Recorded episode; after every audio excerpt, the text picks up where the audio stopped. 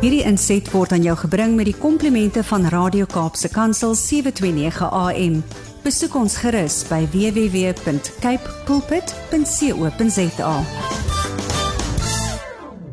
My so groot voorreg om vanoggend saam met my op die lyn vir Gerda Kriel te um, verwelkom. Môre Gerda. Môre Andre, hoe gaan dit daar? Dit gaan goed. Hoe gaan dit met jou? Dit gaan goed, dankie. My tegnologie wil nie vanoggend saamgewerk het dat ek jou mooi gesig kan sien weer nie, maar ek jy sal weer saam kuier op Zoom en is op telefoon vanoggend, maar gelukkig is daar verskillende forme van tegnologie. Ag, hoor en ek dink gelukkig het ons daar met radio besig. So dit help ten minste dat mense my stem kan hoor. Verseker. Gerda, ek is so opgewonde oor Februarie, dis die maand van liefde. Wat is ons tema vir hierdie maand en waaroor gesels ons vandag? Ag, Andri, ek kon net nie die versoeking weerstaan om hierdie maand te praat oor die huwelik nie. En ek dink dit is genoodsaak eerstens omdat dit Valentynsdag is en ons weet almal die maand van liefde bring en baie mense verskillende gevoelens vorentoe, maar tweedens omdat ek werklik waar nog as 'n diefvloei van mense in my praktyk sien wat tans huweliksprobleme beleef. En ek het 'n bietjie na my sessies gekyk wat ek met die mense doen en bespreek En ek het drie goed wat ek baie graag met ons luisteraars vandag wil deel wat werklik hulle huwelik of oor hierdie maand wil deel wat hulle huwelik so positief kan baat. So dit gaan ons fokus wees vir die hele Januarie. En ook as 'n gelowige glo ek dat sterk en gesonde huwelike regtig die basis van ons samelewing is. So dit is 'n passie op 'n geestelike vlak en op 'n sielkundige vlak en ek wil baie graag ons luisteraars bietjie bemagtig met goeie kennis wat ek enige tyd in my praktyk uitgee vir mense wat dalk voor my kom sit. Jo, ek is baie opgewonde oor dit. Ehm um, vir iemand wat ook self in die huwelik is en dan so groot dit eintlik so amazing hoe die Here alles saambring, maar die jeugtydskrif hierdie maand met wie ek nou nou gaan gesels, hulle hele nee. huwelik, ehm um, hulle het 'n hele huweliks weet maand met hulle jeugtydskrif ook en alles val net so perfek bymekaar. Vertel ons asseblief, ek sit reg met my pen en my en my boekie langs my vir notas. Fantasties. Nou, Andri, dit is geen geheim dat die huwelik ongelooflike harde werk is nie. Ek self is nou 12 jaar getroud hierdie jaar en ek sal vir jou sê dit is die dit is vir my die mees vervullende maar hardste verhouding waarin ek in my lewe nog moes werk. En ek wil met ons luisteraars vandag 'n bietjie gesels oor wanneer jy dinge in jou huwelik nie meer so goed gaan soos wat dit aan die begin gegaan het nie. Jy weet niemand trou met die idee dat eendag gaan hulle skei nie. Almal trou met die geloof en met die hoop dat hulle huwelik regtig word die die toets van tyd gaan deurstaan. En ons praat maklik van die toets van tyd, maar tyd het eintlik niks om uit te waai nie. Dit is wat jy doen met die tyd binne jou huwelik wat gaan bepaal of jou huwelik sterker raak of swakker raak.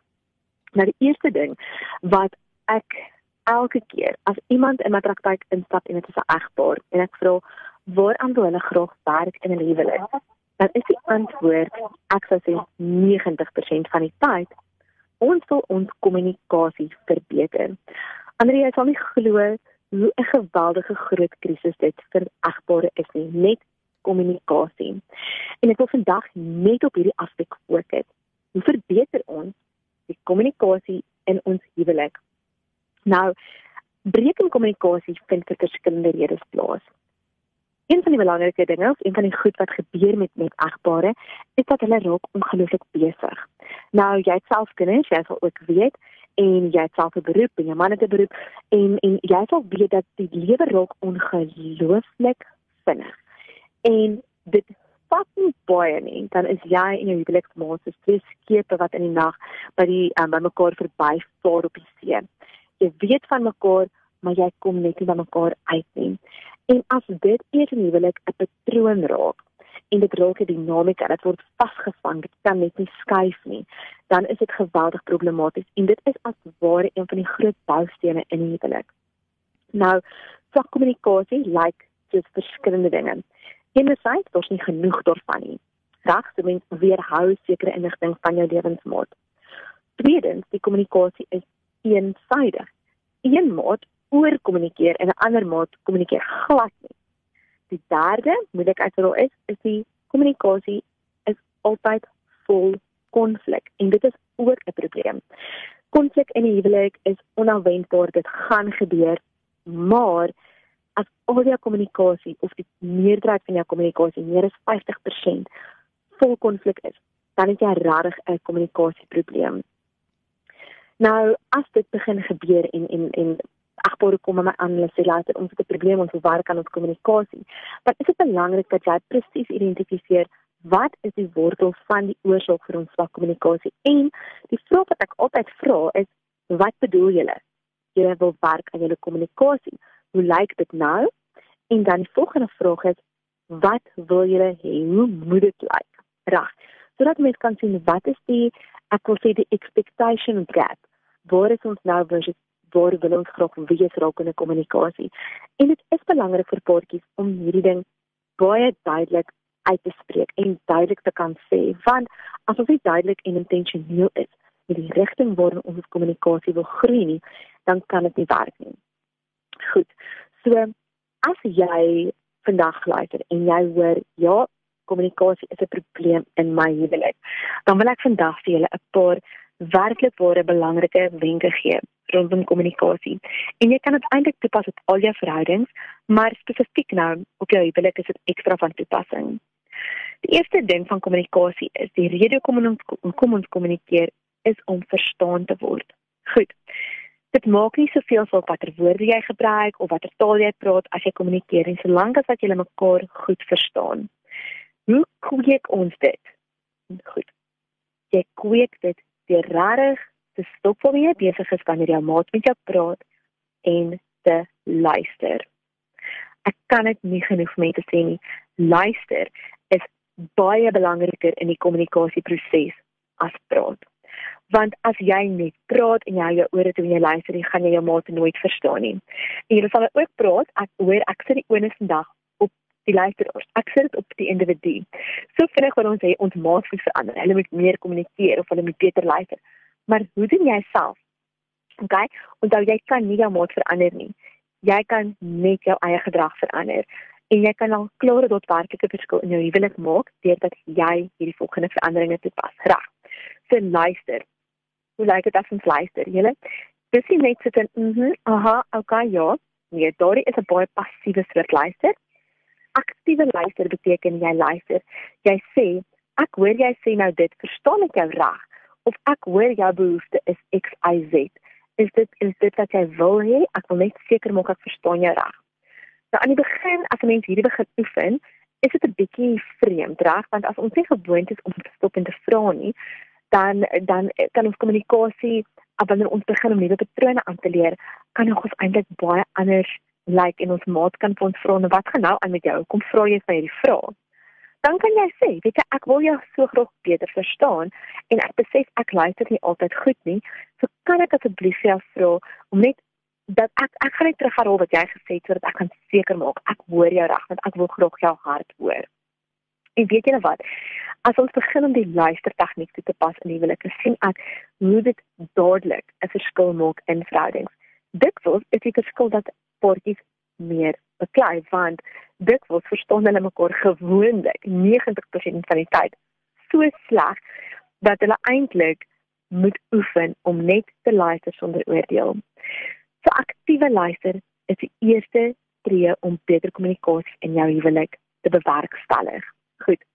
Die tweede manier om kommunikasie te bewerkstellig is om wanneer iets vir jou belangrik is, dit vir jou maat te sê. Ek weet nie dames hoe julle daaroor voel, maar ek is een van daai mense wat groot gesprekke met my man in my kop het en vir hom alles vertel sonder om 'n woord te praat met hom. En dan aan die einde van die dag dink ek ek het vir hom XYZ vertel maar ek het glad nie. So vir my was dit ook 'n oefening geweest om te besef as iets vir my belangrik is, moet ek dit met my man deel. Ek moet met hom praat oor die dinge wat vir ons gesin belangrik is of dinge wat ons kinders raak of soms net planne.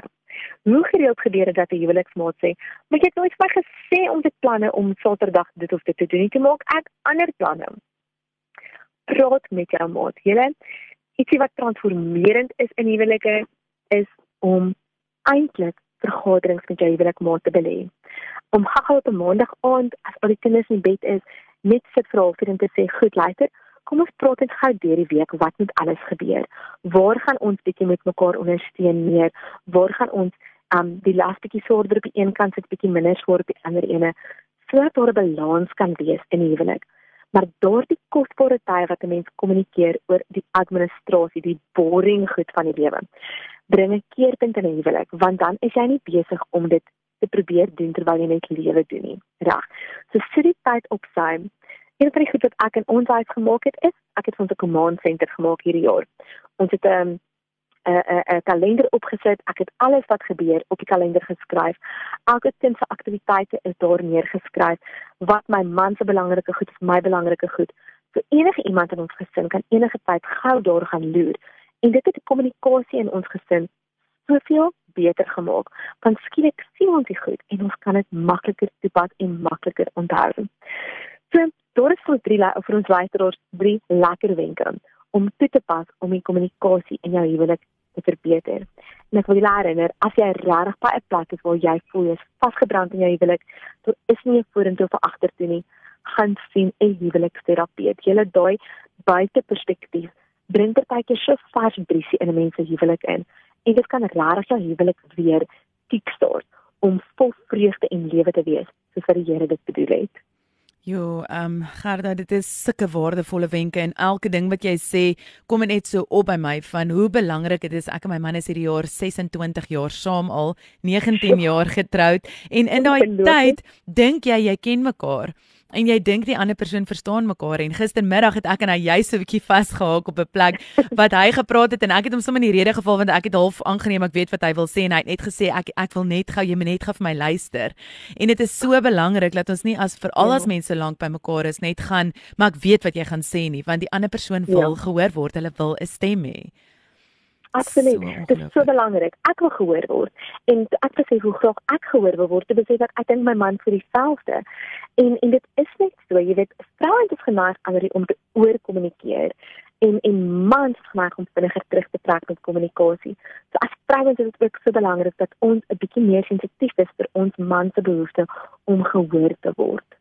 Verseker. Gerda, hierdie is baie baie waardevolle inligting en ek sien uit na die maand se tema van huwelik en net so bietjie ons ons kan dit regmaak. Maak nie saak hoe lank mens al by mekaar is nie. Dit mm. alles is figure outable, het ek nou die dag gelees en dit is my so mooi ja. woord gewees. Gerda, ja. waar kan mense met jou in kontak tree om vir ons 'n bietjie weet as iemand enigiemand vashak en raad dalk by jou wil kry en wil hoor met wie kan hulle gesels? Waar kan hulle in kontak met jou tree?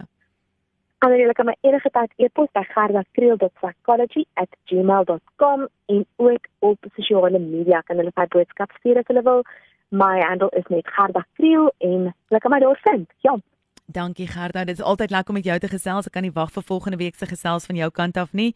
En um, dankie ook dat jy dat jy tyd maak vir vir welstand, vir geesteswelstand in in kinders en weet in almal wat jy sien, maar ook vir huwelike. Dit is so ongelooflik om te weet daar's iemand wat uitkyk vir dit ook.